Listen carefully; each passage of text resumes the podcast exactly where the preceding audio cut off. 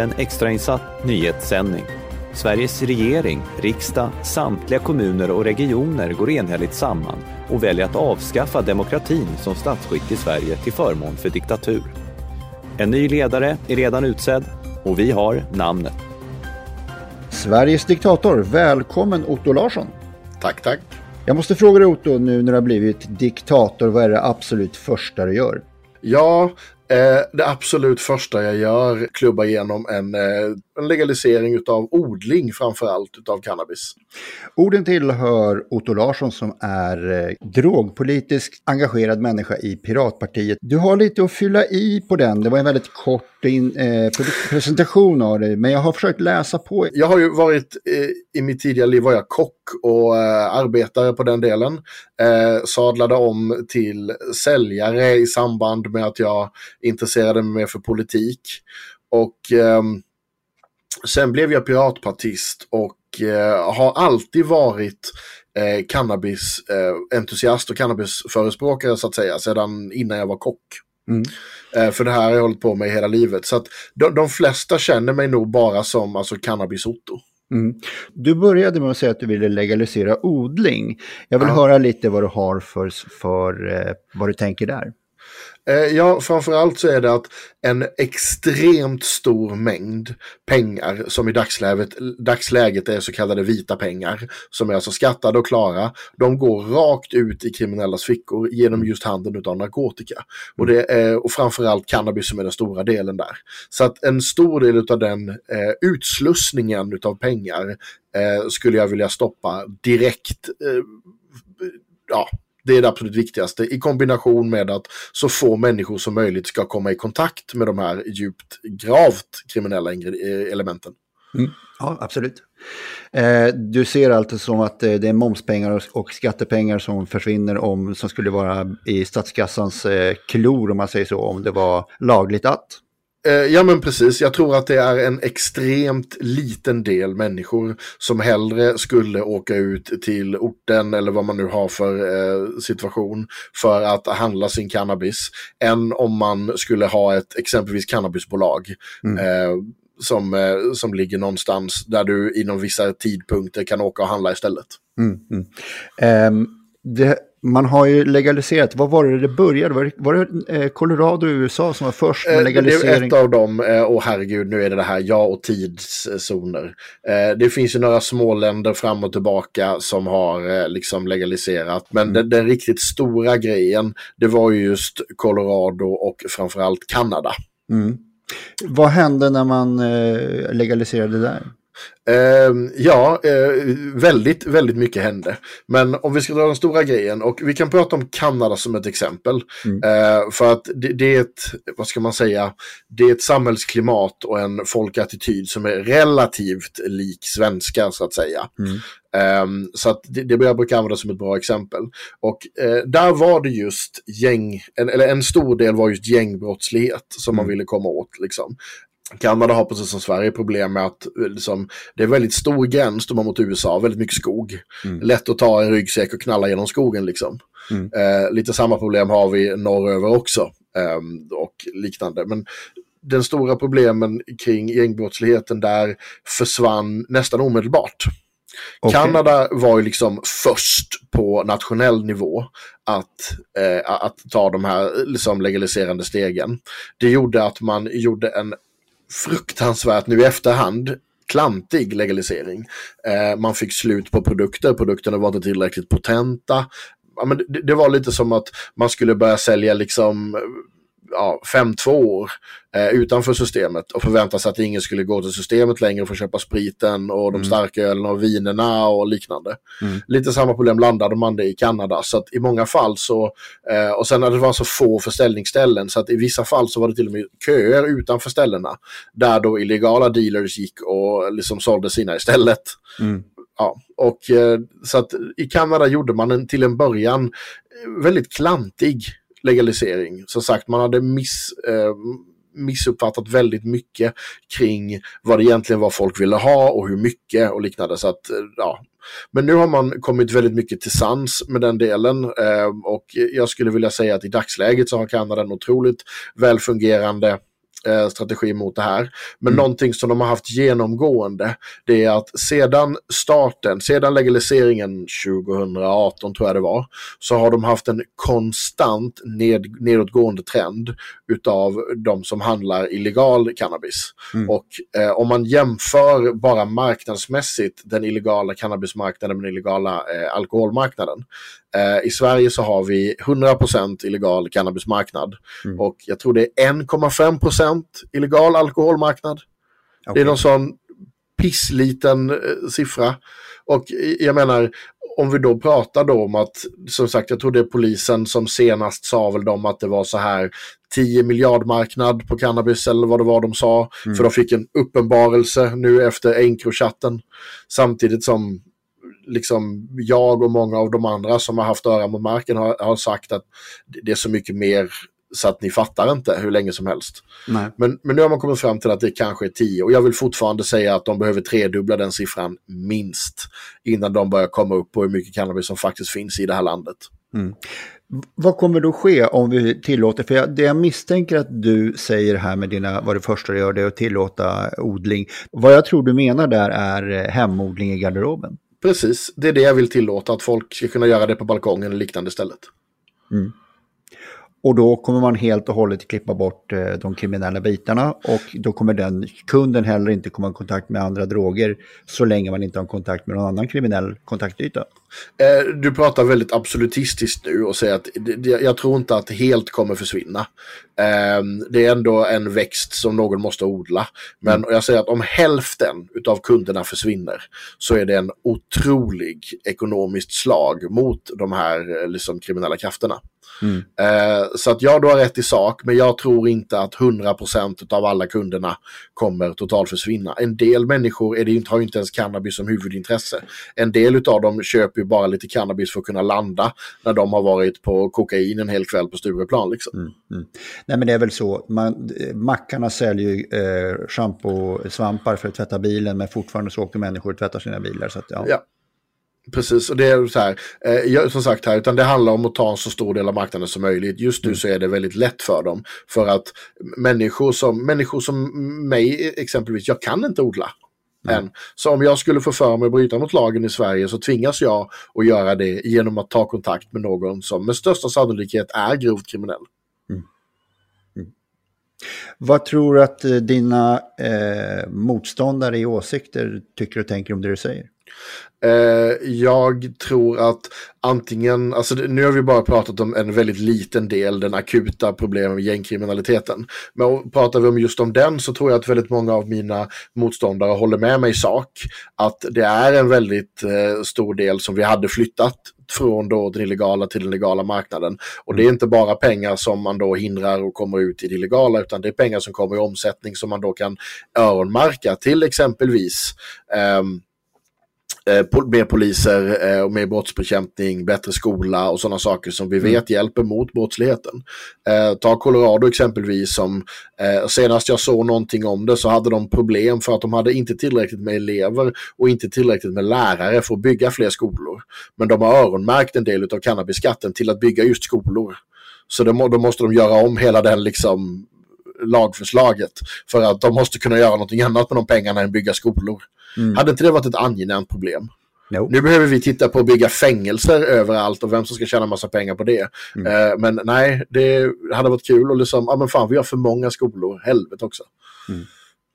Vad, vad, tror du att det här, din, ditt förslag om, om mer hemodling löser fler problem i samhället om du tror att det löser några problem alls? Nej, som sagt här, jag tror inte att det helt löser några problem överhuvudtaget, utan det det kommer göra är att det kommer göra väldigt många saker bättre och enklare.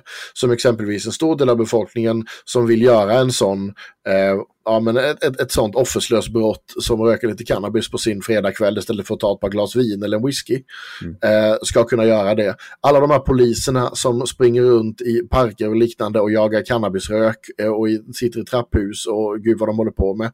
De ska kunna göra andra saker. Mm. Eh, så det är massa sådana här små saker som blir enkla och det är bara de akuta delarna. Mm. Eh, det jag tror är väldigt viktigt när man pratar just om cannabislegaliseringen det är att man går hela vägen med en legalisering. Mm. Bara ta som dagsläget den medicinska debatten som pågår idag. Mm. För att vi har ju medicinsk cannabis i Sverige som ett exempel. Vi har till och med mm. ett fåtal kliniker som specifikt jobbar med medicinsk cannabis. Mm. Eh, men eh, samtidigt om du går in på en vårdcentral idag och tror att de ens ska förnya ditt recept som en läkare redan har skrivit ut till dig. Mm. Nej, ain't gonna happen. Nej. Eh, och det är väldigt, väldigt specifika eh, liksom diagnoser och sjukdomsbilder och, och liknande. Mm. Och jag menar, jag misstänker att du har talat om artros. Den ja, sjukdomen. absolut, ja, men absolut. Det är en, jag vet inte om det kallas för det, men jag skulle vilja kalla det för en folksjukdom. Så pass vanligt som man tycker att det är. Mm. Var och varannan äldre man pratar om eller med har artros. Mm. Um, vet du vad man får för typ av medicin när du går till sjukhus och ska få behandling mot din artros? Jag skulle gissa att du får smärtlindring. Man tror det och när det går riktigt jävla långt så kan man säkerligen få opiater och sådana saker. Men det första man får det är en kurs i handyoga. Okej. Okay. Så handyoga, det är liksom första steget till det här. Eh, jag har pratat med tre personer som samtliga har testat handyoga och de kan väl säga att ja, det blev inte sämre under tiden jag höll på med handyoga. Men det var ju liksom någonting som man skulle göra 20 minuter fyra gånger om dagen. Mm. Så att det blev liksom en, en, en grej att göra. Samtliga fick också 100% hjälp av cannabisoljor. Okej. Okay. Och jag menar, det här borde för mig, för jag menar cannabisolja, jag menar biverkning, och du blev lite hungrig. Mm. jag menar, det, det, finns ingen större skada till de som vill testa det när du har en sån sjukdom som artros. Som är liksom, och det finns så många exempel på det här. Vi pratar epilepsi och liksom allt möjligt. Alla människor som inte vill ta sina tjackpiller med ADHD mm. eh, som kan testa det här istället. Liksom. Det finns oändligt. Men mm. ja, men vi har en, en idé av att cannabis är bara liksom punderigrejer. Eh, så det ska vi inte ha. Och de, den kommer ifrån liksom läkarkåren. Mm. Eh, hur kommer det sig att eh, om du inte är så farligt som det låter på dig, utan snarare ett väldigt, väldigt bra preparat. Hur kommer det sig att det är kriminaliserat? The War on Drugs eh, finns, det finns tio olika förklaringar till varför det kulminerade i The War on Drugs. Mm. Men det, det, var det som eh, liksom uttalades och som man använde i framförallt USA som sen spred sig. Mm. Eh, och det spreds över hela världen. Jag mm. menar, Kina hade ingen speciellt åsikt om, om eh, liksom, eh, cannabis innan the war on drugs kom. Om jag pratar med mina, liksom, eh, nu är de dessvärre gått bort allihopa, men farmor och farfar och deras vänner, så var det inte ovanligt att man hade en liten cannabisblomma i rabatten. Mm och, och, liknande. Så att cannabis var någonting som, det är ju väldigt nyligen att det blev förbjudet. Och i Sverige så importerades ju via Nils Bejerot, den så kallade polisläkaren. Ja, just det. Just det. Mm. Ja, det var via Nils Bejerot och då startade han ju tillsammans med bland annat IOGT-NTO och lite andra härliga idéer, eh, RNS, Riksförbundet för narkotikafritt samhälle. Ja. Och de har sedan via en massa olika rörelser som har kallat sig alltifrån Hassela, IOGT eh, och scoutkårerna och liknande. De har liksom printat in den här idén om att man ska vara nykter. Mm. Och då har de behövt löpa linan så pass långt ut att de har helt enkelt behövt liksom skrämma upp det här för att liksom få med sig de sista de kunde. Mm. Och det kulminerade i hela den här skrämselpropagandan där, där du liksom gick ut i skolorna och berättade för ungdomarna ur ett auktoritetsperspektiv att om du röker cannabis så blir du dum i huvudet. Mm. Och det var ju det jag mötte eh, i början när jag gick i skolan. Och det var ju fucking scientologer mm. som kom ut och berättade om det här. Ja, och jag minns lite samma sak. Det var ett bloss och du är fast. Ja, och liksom så här, så här jag har alltid varit nålrädd. Mm. Eh, så att när någon förklarar för mig att liksom, ah, men det börjar med liksom, att röka hash och sen slutar du med spruta armen. Haha, jo tjena att du ska sätta en spruta på armen på mig liksom. Mm. så att, och jag som obstinat, jag började utmana det här. Mm. Och det var ju så det började för mig liksom. Och i dagsläget så kan jag nog säga att ja, men jag har testat det mesta som inte kommer att spruta. Mm. Och jag har inte fastnat, jag har inte blivit dum i huvudet. Nej, men där är lite så här, vad var först, hönan eller ägget kanske mm. man kan diskutera i det här med, med, problematik. Vilka blir, för att jag har ju en sån här, jag kan nästan säga obsession runt den här eh, filmserien med Kent och Stoffe. Eh, mm. De kallar oss mods, jag tycker det är så ja. fascinerande om de här människorna som fick problem. Och det, de som pratar i den här och som intervjuas verkar ju allihopa haft en väldigt, väldigt svår barndom med alkoholiserade föräldrar och liknande. Ja. Eh, jag har ju mött den här härliga, fantastiska gateway-teorin. Mm. Sedan jag eh, liksom kom in i den här debatten som en skrikig 14-åring. Liksom. Mm. Um, och det, det, den, den är ju så jävla dum eftersom att den bygger på liksom, alla som har testat heroin har rökt cannabis en gång. Liksom. Um, ja, bröstmjölk måste vara det farligaste. Exakt, ja, det är precis det jag brukar säga. bröstmjölk eller syre. Fy fan vilka livsfarliga grejer det där är liksom. Mm. Um, och, och, det är lite samma sak eh, när, när, man kommer in där. Att det faktiska, eller den en av de inkörsporterna, om man nu måste använda det eh, begreppet, det är trauma. Ja, det kan jag tänka mig. Och, och det är som sagt här, om dina föräldrar har varit alkisar eller tjackpundare eller vad de nu har varit, mm. då har du med största sannolikhet ett trauma. Mm. Eh, och sen är det ju en del som pratar om att eh, liksom beroende och sånt är genetiskt, eller i alla fall delvis genetiskt betingat. Eh, vilket jag inte har tillräckligt med kunskap för att egentligen kunna uttala mig om. Men liksom, om inte annat så kan jag tänka mig att det blir nedärvda. Mm eh, vanor och liknande för att man ser det från föräldrarna och unga gör som föräldrarna gör och liknande. Mm, mm. Så att när någon kommer till mig och säger liksom att eh, liksom, amen, cannabis det, det gör bara att du blir dum i huvudet och börjar med liksom eh, LSD till slut och jag bara okej, okay, liksom du, du köpte en smörkniv så vi ska nu gripa dig på förberedelse till mord. För du kommer med största sannolikhet köpa en jaktkniv nu nästa och sen hugger du någon. Bara, mm. så där hugger du någon. Mm. Och, det, alla bara, vad menar du? Det är helt ologiskt. Exakt! Det har ingen logik alls bakom sig. Det är bara ordbajseri. Ja. Varför vill vi droga oss då? Ja, det är just det som är grejen. Att varför vill vi göra det? Jag tror det är för att vi är intelligenta varelser. För att vi har eh, eh, självinsikt. För att människan har, så länge vi har skrivit ner saker, eh, berusat oss mm. på ett eller annat sätt.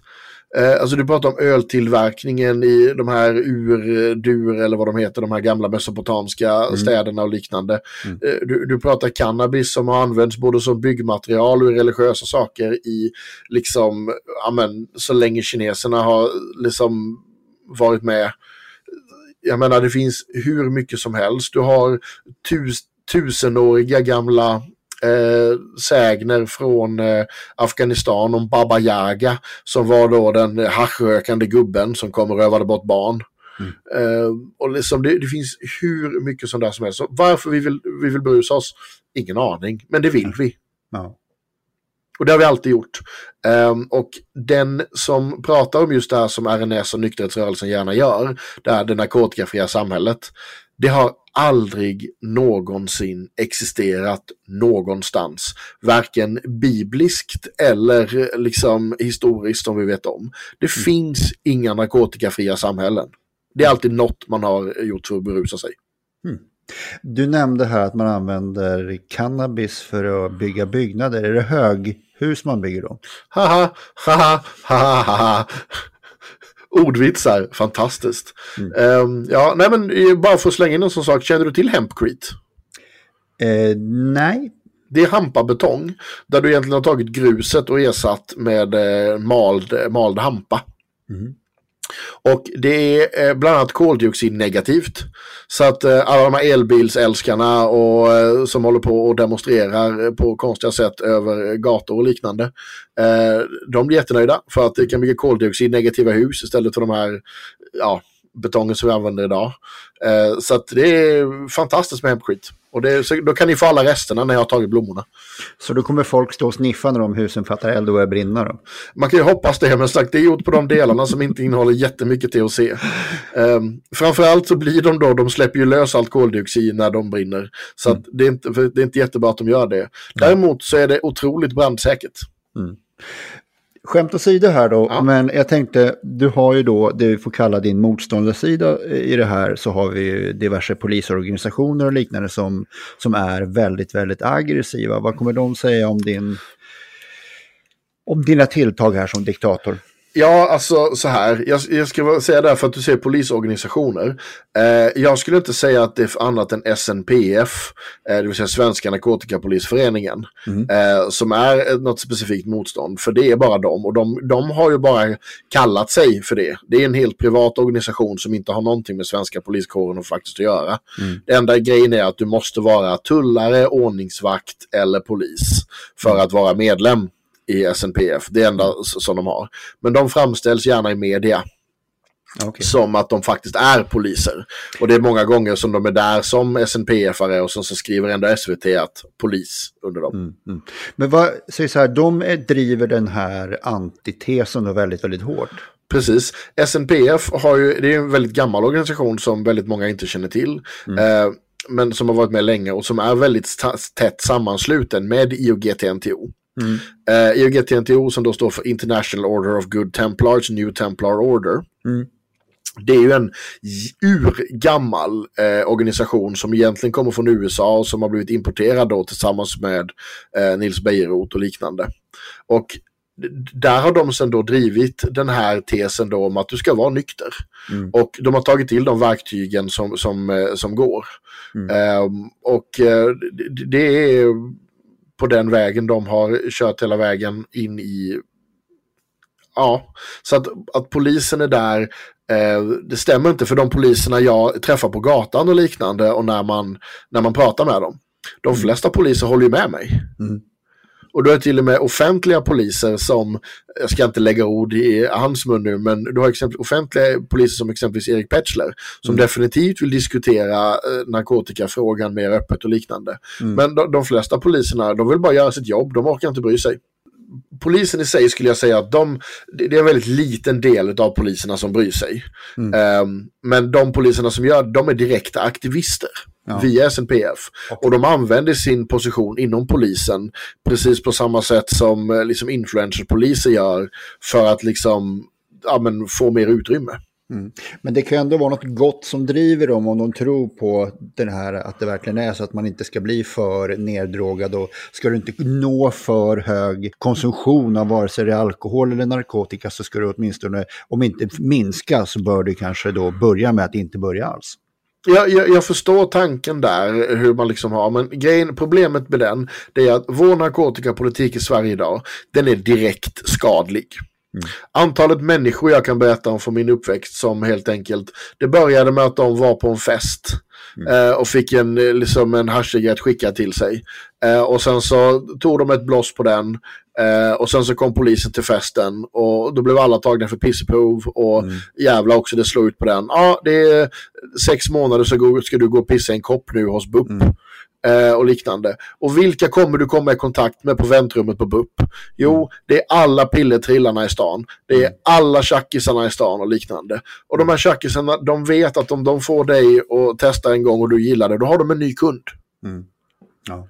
Så att de rekryterar aktivt de här människorna för att de vill kunna tjäna småpengar på det här. Och det är, det är samma sak som att vi skämtade när jag växte upp om Karlskrona behandlingshem. Mm. Att det finns ingenstans i stan det är så lätt att få tag i knark som på Karlskrona behandlingshem.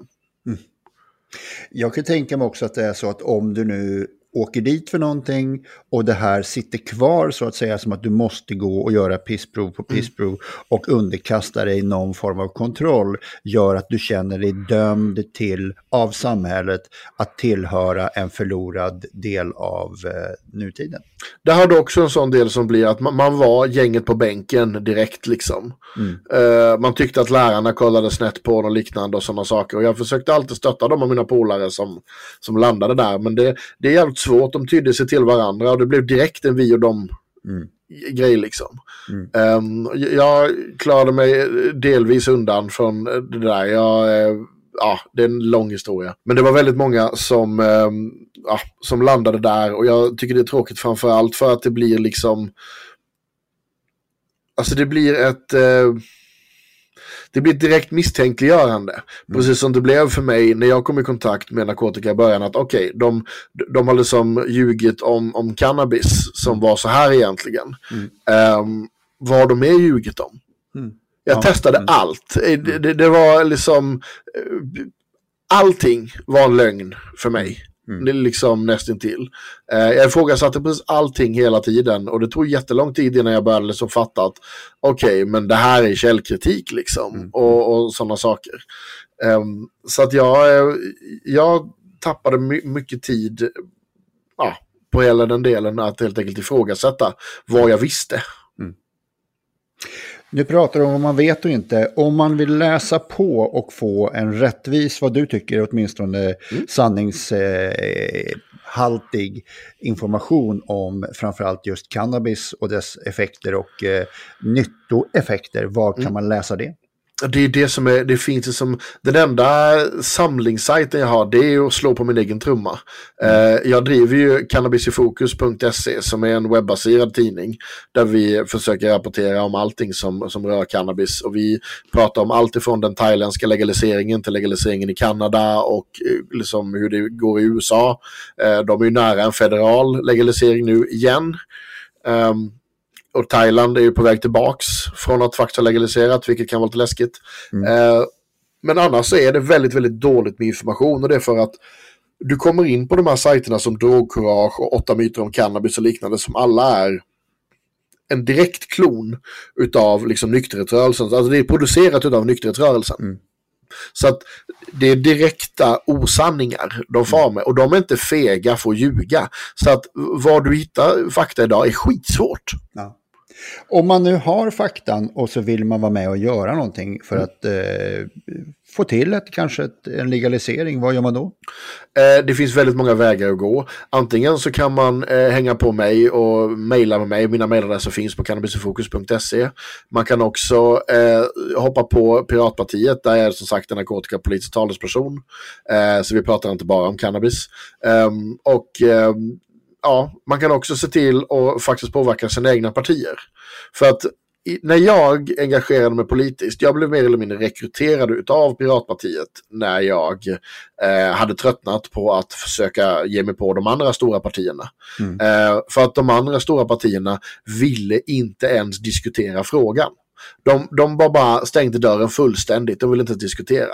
I dagsläget så finns det en del diskussioner som pågår inom även de stora partierna. Mm. Och jag är lite dystopisk. Jag har helt enkelt bara gett upp på den svenska blockpolitiken. Jag tror inte att lösningen finns i något av de eh, åtta numera traditionella partierna. Mm. Eh, och det var därför jag eh, hoppade på Piratpartiet. Eh, just på den enkla frågan att om inte internet är fritt så kan vi inte driva några andra frågor. Och eh, så att det, det, jag hittade mina commons där liksom. Så att Katarina som har varit med i podden tidigare, eh, partiledare, har en väldigt mycket mer integritets och teknikinriktad syn på eh, Piratpartiet än vad jag har, mm. exempelvis. Mm. I min del så representerar Piratpartiet mycket mer individuell frihet eh, och eh, liksom en syndikalistgemenskap som jag eh, syndikalistisk, ska jag säga, liksom. Mm eh, mer, mer svärmbaserad gemenskap som jag tycker är framtiden. Mm. Um, så att det finns många vägar om man vill ge sig in i det hela. Men som sagt, antingen så hoppar man på PP med oss eller så hoppar man på ett annat parti. Det viktigaste är att vi slutar vara rädda för att prata.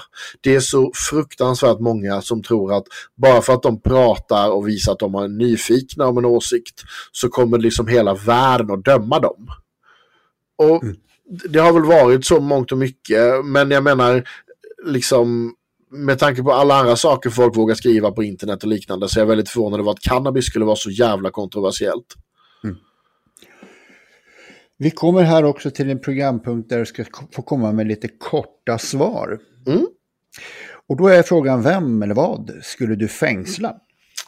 Eh, Svenska Narkotikapolisföreningen eh, skulle hela bunten, eh, skulle gå rakt in till Lennart som är ordförande där, kräva honom på medlemslista och sen skulle allihopa rakt in i fängelse utan att passera gå. Inga tidsbestämda straff. Det ska bara vara, de har missbrukat sin position som liksom det demokratiska samhällets försvarare till att driva sin egen politiska agenda. De, de ska bara bort. Mm. Vem eller vad ska deporteras? Får jag säga SLPF igen? Annars, ja. säger jag nog, S, eh, annars säger jag nog IOGT-NTO. Ja. Och korruptionen då? Vem i ditt Sverige får ohemult mycket pengar av dig för sin sak? För en gångs skull så blir det inte moderat i alla fall. Den saken, saken är säker. Mm. Um, typ Markoolios morsa utan att hon fick äh, låta dem gå i arv. Hon måste bränna skiten liksom innan de går bort. Typ någon sån här, någon som inte bara, de som bara kommer lalla runt med det. För jag hatar korruption. Okay. Så egentligen ingen skulle vara korrupt egentligen. Men eh, liksom kanske det, ja Markoolio eller min morsa. Ja. Det låter bra. Ja. Nationalhelgon, vem blir nationalhelgon i Otto Larssons Sverige? Mary Jane. ja, nej, det är jag och Spindelmannen. Vi är båda kära i Mary Jane. Men... Um... Sist då, vem ska ärva tronen? Vem blir din efterträdare som diktator? Min storebror. Det Jaha. skulle vara intressant att höra. Han, jag har väldigt svårt att tro att han kommer tacka ja däremot, men jag kan göra ett försök att hjälpa dig. Mm. Uh, han sitter i kommunfullmäktige nere i Karlskrona. Okej, okay, okej. Okay. Um, det skulle vara intressant. Men uh, ja, min, min storebror säger Kristoffer Larsson. Kristoffer Larsson. Ja. Otto, vi har kommit till den sista punkten i programmet och det är dina avslutande ord. Cannabis är en så fruktansvärt ofarligt rusmedel jämfört med allt annat som finns. Eh, så att inte legalisera det är direkt korkat jämfört med det som finns. Och vi har en jättestor och hungrig nyföretagar och småföretagarbransch i Sverige som jättegärna vill kunna hoppa på det här tåget med cannabis och också bygga multi och meganationella och globala företag som nu de amerikanska, tyska och kanadensiska företagarna kan göra. Eh, vi har har ohyggligt mycket kunskap och medel i Sverige att bli världsledande på cannabis. Det enda som står i vägen det är våra trångsynta jävla politiker och SNPF. Du ska ha ett stort tack Otto Larsson. Mm. Det var kul att ha dig här. Ja, tack tack. Hej hej. Hej. Det var allt från Sveriges diktator för denna gång. Om du gillar podden är vi glada för all delning, alla gilla och varje tips till dina vänner om att podden finns. Du hittar oss också på sverigesdiktator.se. Tack!